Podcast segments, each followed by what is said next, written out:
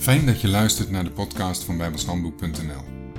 Iedere dag brengen we een korte overdenking met als doel je geloof op te bouwen en te versterken. En dat doen we door een bladzijde uit het Bijbels dagboek te behandelen. De muziek bij deze podcast is geschreven en uitgevoerd door Jack Andrew. Het is vandaag 25 januari en ik wil beginnen met het lezen van Jeremia 23, vers 29 heel kort. Is mijn woord niet al zo als een vuur? Gods woord is als een vuur. Het woord van God heeft dezelfde eigenschappen als vuur. Vuur geeft licht en warmte. Het wordt gebruikt om goud te zuiveren en het onkruid te verbranden. Als je in het vuur valt en verbrandt, dan ben je van je lichaam, van je vlees af.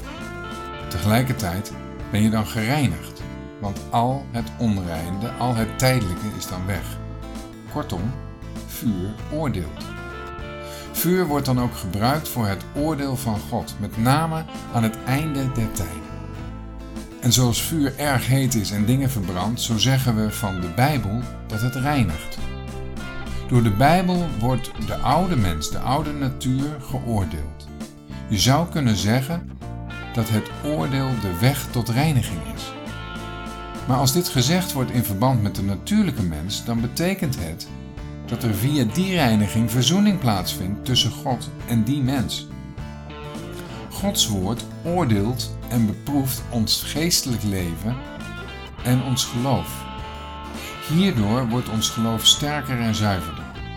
Het gevolg hiervan is dat we Christus in alles gaan vertrouwen en Hij daardoor verheerlijkt wordt. En zo zal ons leven meer en meer vrijkomen van zorg en onrust en zal Zijn vrede onze harten en zinnen bewaren.